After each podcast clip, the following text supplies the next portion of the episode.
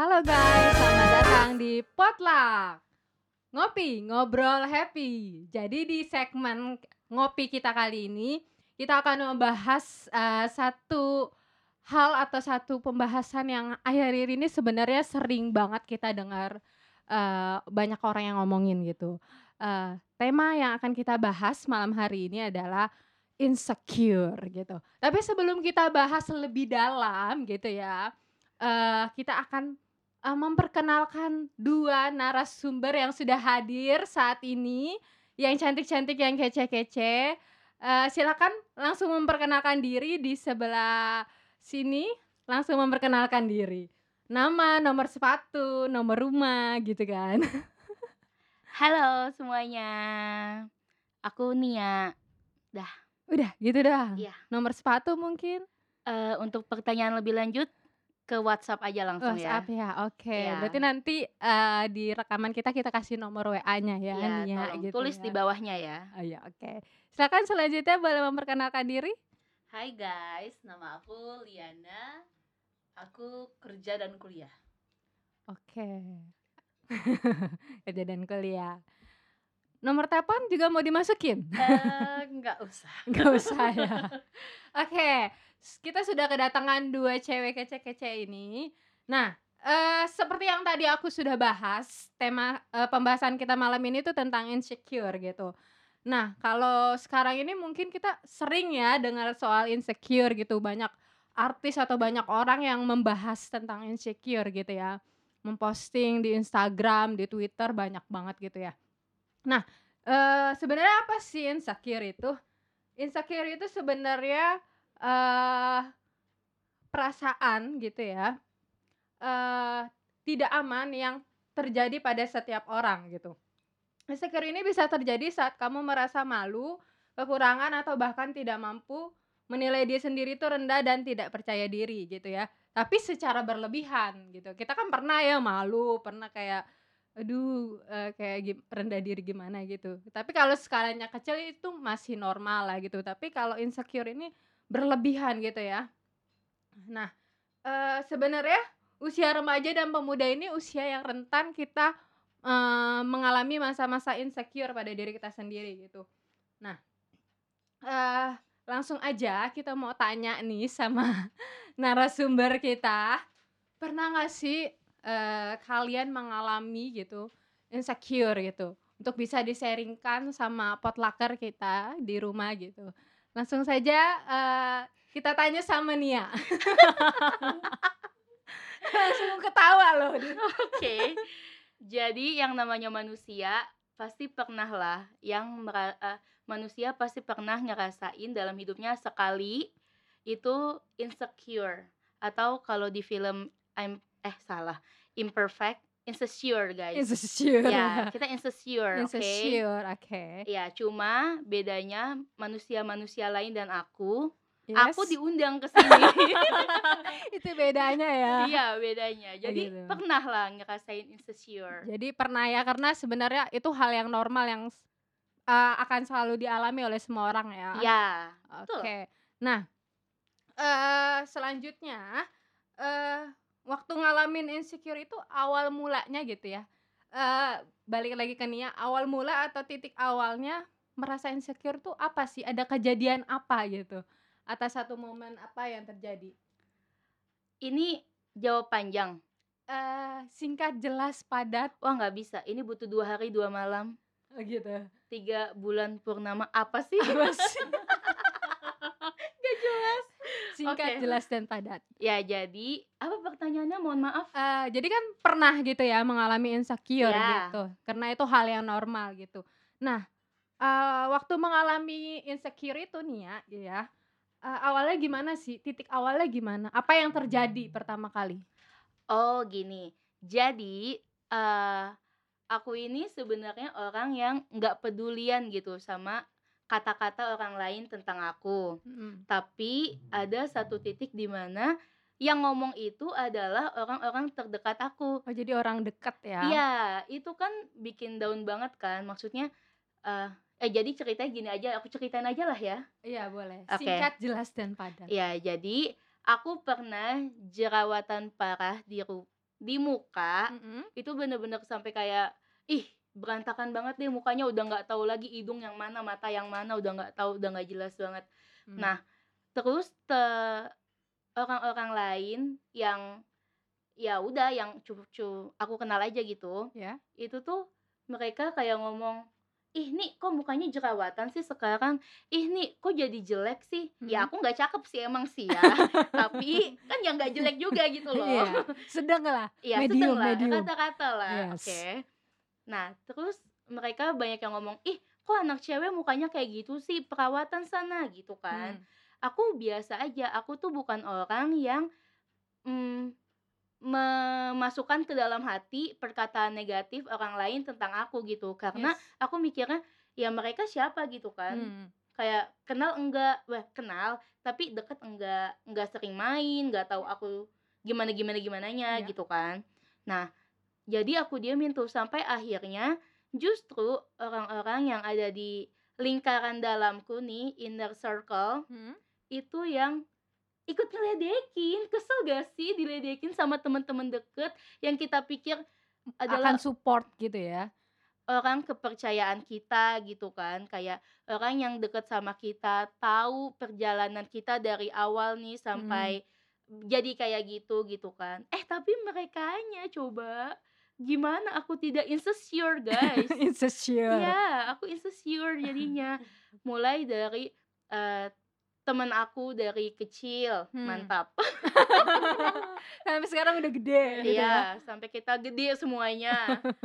Terus teman-teman di gereja yang ya deketnya ya deket beberapa gitu. Mereka juga mulai ngomongin eh mukaku gitu loh. Hmm. Sampai yang terparahnya adalah dari maafin aku ya Mimi. Dari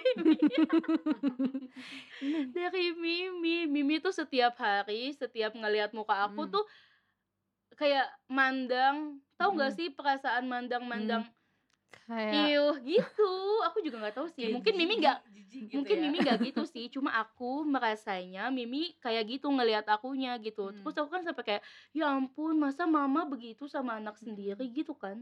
jadi Mimi itu sebenarnya panggilan Nia buat Mama Nia ya. Jadi Oh Mimi. iya, iya iya maaf maaf, mama Nah. saya Ya. ya gitu. Jadi waktu itu mama tuh eh ngom kayak ngomel setiap hari gitu loh. Ngomel, mukanya tuh, ih ini, ih, ih, ih tangan sih, jahil sih gitu loh. Mm-mm. Sampai aku kesel sendiri, terus ya jadi ngerasa ah mama aku aja yang bener-bener deket Mm-mm. gitu kan itu juga mandang aku eh lebih rendah dari biasanya Gitu gitu. ya. Iya, jadi mulai dari situlah aku ngerasa oh jangan-jangan ternyata aku memang sejelek itu guys kalau lagi jerawatan. Ternyata mungkin selama ini yang orang lain omongin tentang aku tuh emang ya begitu kenyataannya gitu yang jelek yang kayak iku jadi kayak gitu gitu. Nah, mulai saat itu aku jadi ngerasa insecure sama muka aku gitu. Jadi awalnya itu ya karena awalnya eh, jerawatan di muka terus akhirnya dari orang-orang yang terdekat pun eh, bukannya mensupport tapi malah ada kayak kata-kata atau komentar yang tidak mendukung gitu ya. Iya, masalahnya gini loh. Siapa sih yang pengen jerawatan? Emang ada yang minta Tuhan, aku pengen jerawatan dong. Ya kan gak ada, yang bener aja itu orang, ya kan? Jadi aku tuh suka kesel gitu. Maksudnya, ya mereka kan tahu nih, yang inner circle aku itu kan tahu kan. Aku juga nggak mau jerawatan gitu loh. Hmm. Tapi merekanya tuh selalu ih ih ih muka tuh urusin tuh muka lo gitu-gitu. Siapa yang nggak mau ngurusin muka? Ngurusin badan aja aku mau. Apalagi muka ya. iya, walaupun belum kesampaian. gitu ya. Oke, jadi kalau Nia punya pengalaman merasa insecure eh, sama fisik gitu lah ya. Ya, Heeh, Nah, eh, kalau teman kita yang satu ini pernah nggak sih ngerasa insecure gitu? Pernah ngalamin insecure? Eh, semua orang pasti pernah mengalami insecure atau rasa takut kalau saya artikan ya. Hmm. Eh, jadi eh, boleh saya cerita atau Berarti pernah ya? Pernah, Berarti pernah. pernah mengalami insecure ya. Nah, terus kan tadi kalau Nia eh, titik awalnya gitu satu peristiwa eh, dia eh, mulai merasa insecure gitu karena dia jerawatan parah di muka. Nah, kalau dari eh, Liana sendiri titik awalnya atau eh, apa sih yang memulai merasa insecure itu? Eh, da- eh, saya cerita dikit ya. Jadi bermula dari saya kelas 6 SD. Yes. Eh, ketika saya kelas 6, papa saya meninggal di saat saya mau melanjutkan pendidikan ke tingkat SMP. Hmm. Di saat itu saya memang berkeinginan untuk melanjutkan pendidikan. Pasti setiap orang pasti mau mempunyai pendidikan yang terbaik. Eh, di situ saya eh, cuman bilang sama keluarga papa saya di situ eh, saya bilang saya mau sekolah. Pas saya bilang saya mau sekolah, mereka bilang oh oke, mereka janji untuk menyekolahkan saya. Mereka eh, berencana untuk patungan untuk membayar pendidikan saya. Eh, ketika oke eh, setelah peng- itu pas selesai pemakaman pas selesai eh, mereka singkat ceritanya tuh saya datang ke sana dengan mereka bilang "Eh, oh emang cari duit itu gampang dengan mudah saya bingung kan mereka berjanji untuk menyekolahkan saya oke eh, saya di situ eh, merendahkan diri. "Eh, iya saya tahu mencari uang nggak gampang tapi saya mau kul saya mau eh, sekolah. Karena di situ kan saya baru SM, SD mau naik SMP akhirnya mereka membiayai saya. Di saat saya sekolah memang di situ agak susah untuk meminta uang untuk eh, membayar uang sekolah. Dan ketika saya sudah lulus SMP saya masuk ke SMA di situ eh, saya bilang saya mau melanjutkan ke SMA Eh, lalu tante saya bilang buat apa kamu sekolah lagi? Lebih baik kamu bisa kerja bisa eh, ngapain aja di rumah. Toh cewek itu eh, nggak kerja pun nggak berpendidikan pun nanti ujung-ujungnya ke dapur. Ngapain kamu sekolah tinggi-tinggi? Nggak usah. Mereka bilang kayak gitu. Saya cuman bilang saya mau sekolah tante. Saya cuma bilang gitu sama mereka. Terus eh, di situ eh, saya ikut Tuhan eh, apa eh, seperti ini kenapa gitu. Saya mama saya cuma bilang satu sama saya eh, ketika kamu sedang ada pergumulan cari Tuhan cari Tuhan, kamu bisa cerita, kamu bisa nangis, kamu bisa mencurahkan semua isi hati kamu sama Tuhan. Saya cuma bilang sama Tuhan, Tuhan bantu saya, saya mau sekolah. Saya cuma bilang gitu sama Tuhan.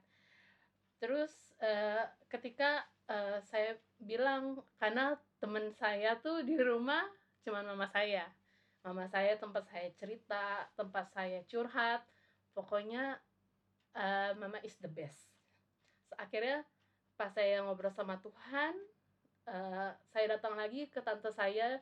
Dia saya tanya saya boleh sekolah nggak tante? Oke dia bilang kamu cari uh, tempat sekolah yang terbaik yang terdekat menurut kamu? Dia bilang gitu. Di situ saya oh amazing banget Tuhan.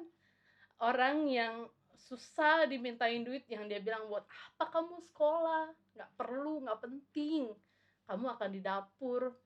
Nggak kamu nggak nggak nggak usah berpendidikan tinggi tinggi jadi buat apa kamu sekolah? Tante saya cuma bilang gitu akhirnya di situ saya merasa bersyukur banget sama Tuhan. Tuhan uh, izinkan saya untuk berpendidikan, saya melanjutkan SMA uh, sampai saya lulus walaupun di situ memang penuh dengan perjuangan, penuh dengan kalau dibilang air mata bisa. Karena uh, namanya dibayarin ya sekolah pasti susah uh, untuk mereka menganggapnya aduh ngapain sih ke sini minta mulu gitu hmm. jadi saya cuman bilang sama Tuhan saya bersyukur sama Tuhan saya bisa menyelesaikan pendidikan saya dengan baik dengan pokoknya semuanya pertolongan Tuhan dan saya ingat kata-kata mama saya ketika kamu sedang ada masalah ketika kamu sedang ada pergumulan jangan cari orang lain untuk kamu cerita Cari Tuhan tapi ya. cari Tuhan Mantap. untuk kamu uh, mencurahkan isi hati kamu apa yang kamu inginkan, apa yang kamu rasa, kamu bisa curhat sama Tuhan. Karena cuma Tuhan yang bisa dengar kamu, Tuhan yang tahu oh apa nih solusinya, apa yang terbaik untuk kamu. ya. bilang. Jadi uh, Liana pernah merasa insecure uh, takut gitu ya. untuk tidak uh, bisa, bisa sekolah gitu mm -mm. ya, melanjutkan uh, pendidikan, pendidikan gitu. Ada di masa-masa pergumulan itu, dan puji Tuhan, uh, Tuhan tolong ya akhirnya juga bisa selesai pen, uh, dengan pendidikan dengan baik gitu. Nah, uh, lanjut lagi gitu ya. Uh, gimana sih cara kalian gitu ya keluar dari perasaan insecure itu? Apa yang kalian lakukan gitu? apakah memacu diri kalian bahwa uh, ya saya ini ciptaan Tuhan yang sempurna gitu apa pun kata orang ya itu hanya kata-kata orang bukan kata-kata Tuhan gitu uh, silakan nih ya apa oh, yang ya. dilakukan gitu ya untuk Apa keluar ya? dari perasaan insecure Soalnya itu. Soalnya kaliannya capek ya. ngomong panjang ya. minum dulu, minum dulu. Oke, okay, jadi uh, waktu itu titik baliknya adalah aku uh, kan kerja nih hmm. di sekolah. Yes. Nah, terus waktu itu ada pelatihan buat uh, pengajar-pengajar di sana. Mantap pengajar. Mantap. nah, terus di pelatihan itu aku tuh kayak tek gitu loh. Oh, ternyata selama ini aku salah gitu. Salah loh. Hmm. Soalnya kan selama aku insecure itu, aku tuh bener-bener yang nggak berani apa namanya uh, tampilin muka aku tanpa foundation. Bayangin, aku beli foundation mahal, aku pakai setiap hari. Jadi setiap keluar rumah atau ketemu orang tuh pasti pakai foundation gitu. Iya, kalau aku nggak kadang aku pakai terus aku juga double masker gitu. Saking aku malunya orang lain lihat muka aku yang lagi nah gitulah. Hmm.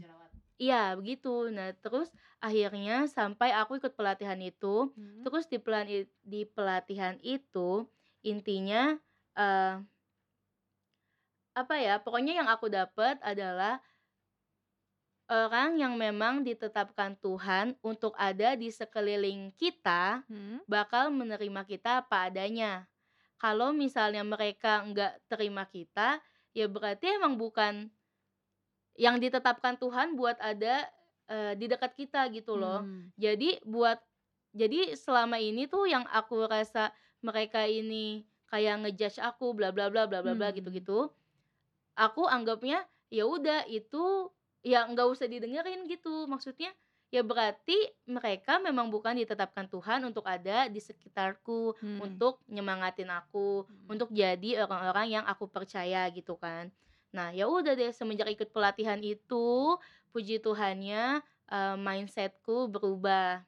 Jadi aku mulai berani buat lepas masker, terus lepas foundation. Waktu itu sebenarnya agak takut juga sih, karena kan kalau di sekolah itu rakyatnya banyak ya. Maksudnya itu memicu makin banyak komentar-komentar sebenarnya. Yeah. Apalagi aku sekolah di SD anak-anak SD itu nggak bisa bohong Polos guys. ya mereka iya, ya, kalau mereka lihat ada yang ada gitu. dikit, ih kok kayak gitu?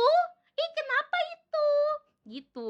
Sebenarnya agak takut juga sih, cuma puji Tuhannya waktu itu rekan sekerja aku itu uh, suka sharing dan mendukung banget pokoknya.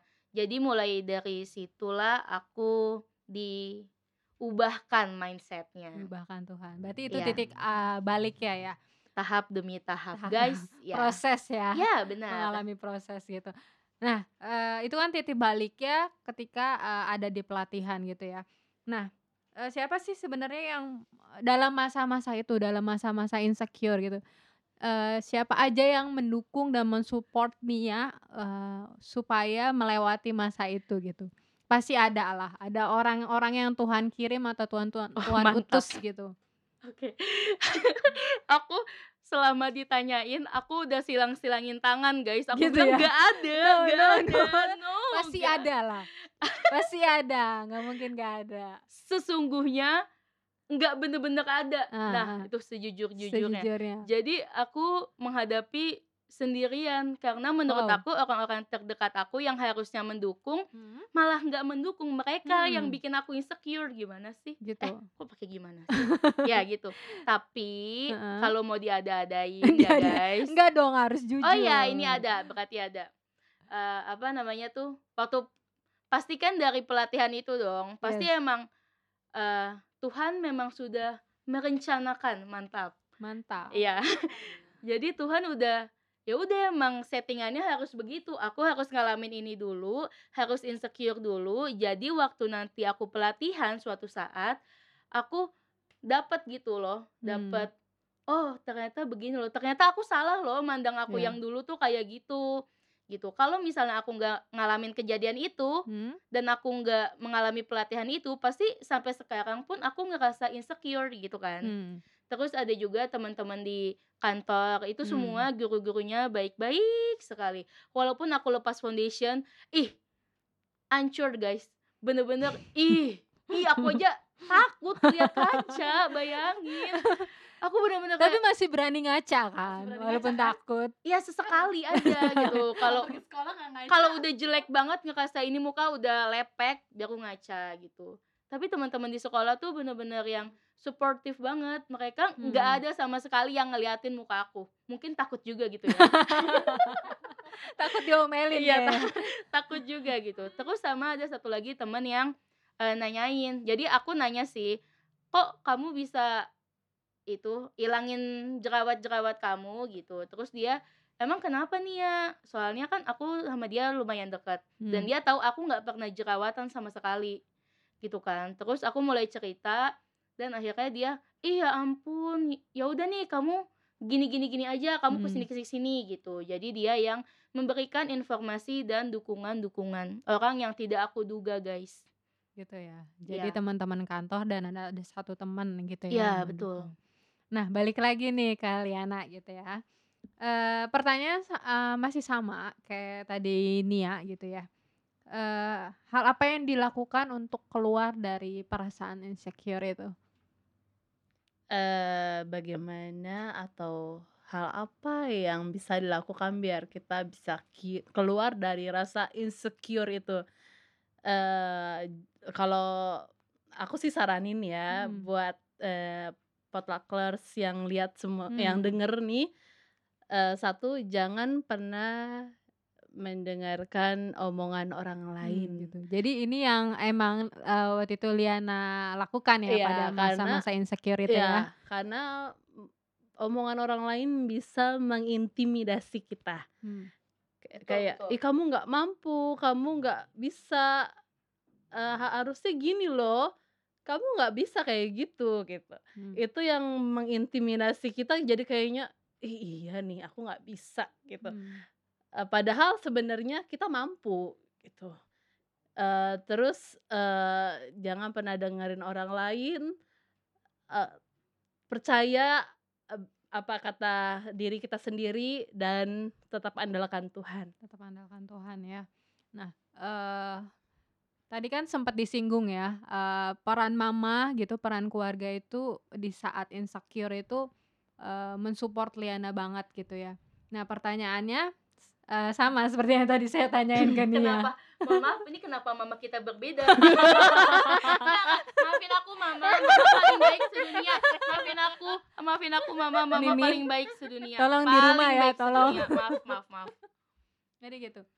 Eh, selain mama atau keluarga, mungkin ada orang-orang yang mensupport kamu di masa-masa eh, insecure itu? paling yang lebih mensupport itu mama eh, koko saya koko itu Hmm. kakak ya Nah, kakak laki-laki saya paling mensupport memang saat kita terpuruk, saat kita jatuh, orang yang pertama kali akan menolong kita, eee, setelah Tuhan Yesus ya, itu keluarga kita. Jadi, eee, mama tuh bener-bener sosok yang is the best buat saya, karena ketika saya aduh pastilah, eee, ketika kita, eee, diomongin orang ada rasa bagaimana, ada rasa sakit sakit hati pasti gitu. Hmm. Mama cuman bilang, eee, maaf memaafkan itu harus deh. Mama bilang seperti itu sama saya karena, eee, Tuhan aja mau memaafkan. Di situ saya, masa sih gitu. Saya, eee, agak memaafkan, eee, gimana ya, aduh terus tapi nggak bisa Ma, nggak bisa, tapi sakit rasanya ketika mereka menghina, mereka, eee, menjelek-jelekan terus mama cuma bilang, "Kamu berdoa, mama yakin kamu bisa memaafkan, karena mama tidak pernah mengajarkan kamu untuk membenci orang lain." Di situ Hmm. wow, i ma ada kok orang seperti mama saya gitu. Saya Hmm. sampai, amazing banget Tuhan, mama saya udah dihina, udah di eee, ya ampun kalau menurut kalau menurut orang dunia ya udah, ih ngapain nggak usah kenal lah gitu. Hmm. Tapi mama saya cuma bilang, "Ampuni, maafkan. Kalau kamu belum belum bisa memaafkan, kamu berdoa sama Tuhan, minta sama Tuhan." Mama saya cuma bilang gitu, terus koko saya cuma koko saya bilang eee, "Saya yakin kamu tahu yang terbaik buat kamu. Kalau kamu belum bisa memaafkan, Tuhan yang akan maksudnya buka hati kamu, kamu cuman tinggal berdoa minta sama Tuhan, Tuhan tahu yang terbaik buat kamu." Jadi orang-orang di sekitar kita, e bahkan keluarga deket kita sebenarnya ada di samping kita untuk men-support kita, supaya di saat kita mau jatuh, mereka yang akan, eee, ada di samping kita untuk menggandeng tangan kita supaya kita tidak jatuh terlalu dalam. Gitu ya. Ya. Jadi mama dan koko ya Iya. atau kakak yang men-support ya Mhm. dalam masa-masa itu. Nah, eee, pertanyaan terakhir nih, seneng nggak pertanyaan terakhir? Enggak, aku mau lebih banyak. More more more more. Next Boleh 2 lagi. episode nggak? boleh boleh boleh. Khusus buat kalian akan kami buatkan 2 episode gitu ya. Nah, pertanyaan terakhir nih. Mungkin, eee, ada saran gitu atau semangat gitu dari Nia atau dari Liana buat temen-temen potluckers yang saat ini mungkin mengalami perasaan insecure terhadap diri mereka sendiri. Silakan Nia. Ya, tadi atau padahal ya, tapi silakan Nia tetap oke, nggak apa-apa. Jadi buat teman-teman potluckers yang sedang mendengarkan siaran kita mantap. Ah, apa sih mantap mulu? Mancing mania. Iya. Mantap. Eee, saran dari aku yang sesuai udah aku jalanin adalah jangan terlalu pusingin orang yang, eee, kata-katanya tidak membangun. Kalian Iya. baca Alkitab aja setiap hari, nanti kalian bakal baca kata-kata kalau kalian itu serupa dan segambar dengan Allah. Jadi intinya kalian itu berharga, guys. Kalian punya value, kalian tuh nggak boleh ngerendah-rendahin diri, jangan kayak aku lah, nanti diundang loh ke sini. Asik. Ada positifnya dong, sisi Iya. positifnya ya. Ya, jadi Biar 2 episode ya, Iya episode betul. Dan udah jangan dengerin orang-orang yang eh, memandang rendah kalian. Terus pikirin kalau kalian itu anak-anaknya Tuhan, ciptaan Tuhan. Tuhan mana pernah sih nyiptain yang nggak baik ya kan? Pasti Betul, betul. dan selalu berpikir kalau apa pun yang terjadi di dalam hidup kita itu tuh memang rencananya Tuhan. Dan di Alkitab juga bilang kan, rencana Tuhan itu mendatangkan damai sejahtera, bukan mendatangkan kecelakaan. Ya, seperti itu guys. Betul. Semoga kalian mengerti. Haleluya, haleluya. Luar Habis ini kita persembahan ya. Iya, jalankan kolektor ya. Oke, nah un- eh, mungkin dari Liana mau ada eh, apa namanya semangat gitu buat potlucker yang sedang mengalami insecure. Untuk sobat-sobat potluckers. Sobat. Oke. Halo sahabat. Jadi eh, saya mau kasih tahu untuk kalian itu jangan eh, mendengarkan orang lain apa kata-kata orang yang bikin yang nyakitin hati kalian stop mendengarkan. At- dan saya juga mau kasih tahu untuk teman-teman eh, yang misalkan selama ini masih suka menyinyir orang atau ngomongin orang Nyinyir gitu stop ya. untuk membicarakan orang. Karena kalian nggak tahu apa ya mungkin eh, kalian ngomong biasa aja tapi mungkin bisa menyakiti hati orang itu. Kita nggak pernah tahu. Makanya di Alkitab dibilang jagalah mulutmu jagalah perkataanmu. Karena eh, perkataan kita itu bisa membangun orang lain dan bisa menjatuhkan orang lain Ya, jadi hati-hati untuk berkata-kata. Kalau dari saya sih untuk eh, teman-teman semuanya, eh, terus juga eh, tetap andalkan Tuhan, jangan pernah mengandalkan kekuatan kita sendiri. Kalau kita berdoa sama Tuhan, kita minta sama Tuhan, Tuhan pasti berikan yang terbaik. Pokoknya jangan pernah eh, merasa insecure terhadap apa pun. Oke, mantap. Yeay. Mantap. Aku mantap mulu. Ya, terima kasih buat dua narasumber kita yang kece-kece dan cantik-cantik ini. Eh, jadi memang kalau ngebahas soal insecure itu banyak hal sebenarnya yang bisa dikulik ya. Iya, Karena memang keterbatasan waktu Harus gitu dua ya. episode. Eh, maka kita akan akhiri di sini. Oke, eh, jadi memang benar gitu ya. Eh, sebenarnya kita ini diciptakan serupa dan segambar dengan Allah ya. Seperti seperti yang tertulis di Kejadian eh, 1 ayat 26 sama 27 Tuhan tuh menciptakan kita manusia serupa dan segambar dengan Allah, Ya. secitranya dengan Allah. Dan kalau serupa dengan segambar al- dengan Allah, berarti kita adalah eh, ibaratnya ciptaan yang sempurna dan spesial gitu. Yep. Dan sebenarnya eh, bukan kekurangan ya, tapi itu eh, menurut aku lebih bisa jadi kelebihan sebenarnya buat kita. Hmm. Karena mungkin orang lain juga nggak punya gitu ya.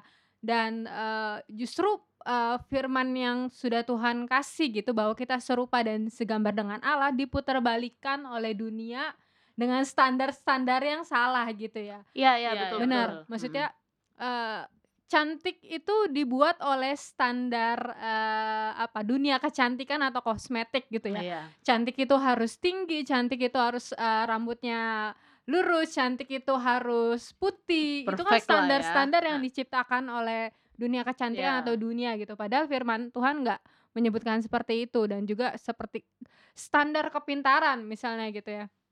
Eh, dunia menciptakan bahwa eh, or- anak yang pintar atau siswa yang pintar itu harus pintar di apa? Di sainsnya gitu. Di ilmu eksas, betul ya? Eks apa ngomongnya? Eksak gitu. ya. Iya. Padahal setiap anak itu punya kelebihan dan kepintaran di bidangnya masing-masing Ya. gitu. Mungkin dia pintar eh, di dunia seni gitu ya, pintar di dunia yang lain gitu, ngelukis dan sebagaimananya gitu ya. Dan eh, cukup eh, apa perbincangan kita cukup ini ya, cukup happy ya. Cukup happy. Sesuai dengan Tuhan ya. segmennya ya, ngobrol happy ya. Iya. Kopi, cuma belum ada kopinya sih. Oke, cukup sekian malam ini eh, di acara potluck kita dan sampai jumpa di Sabtu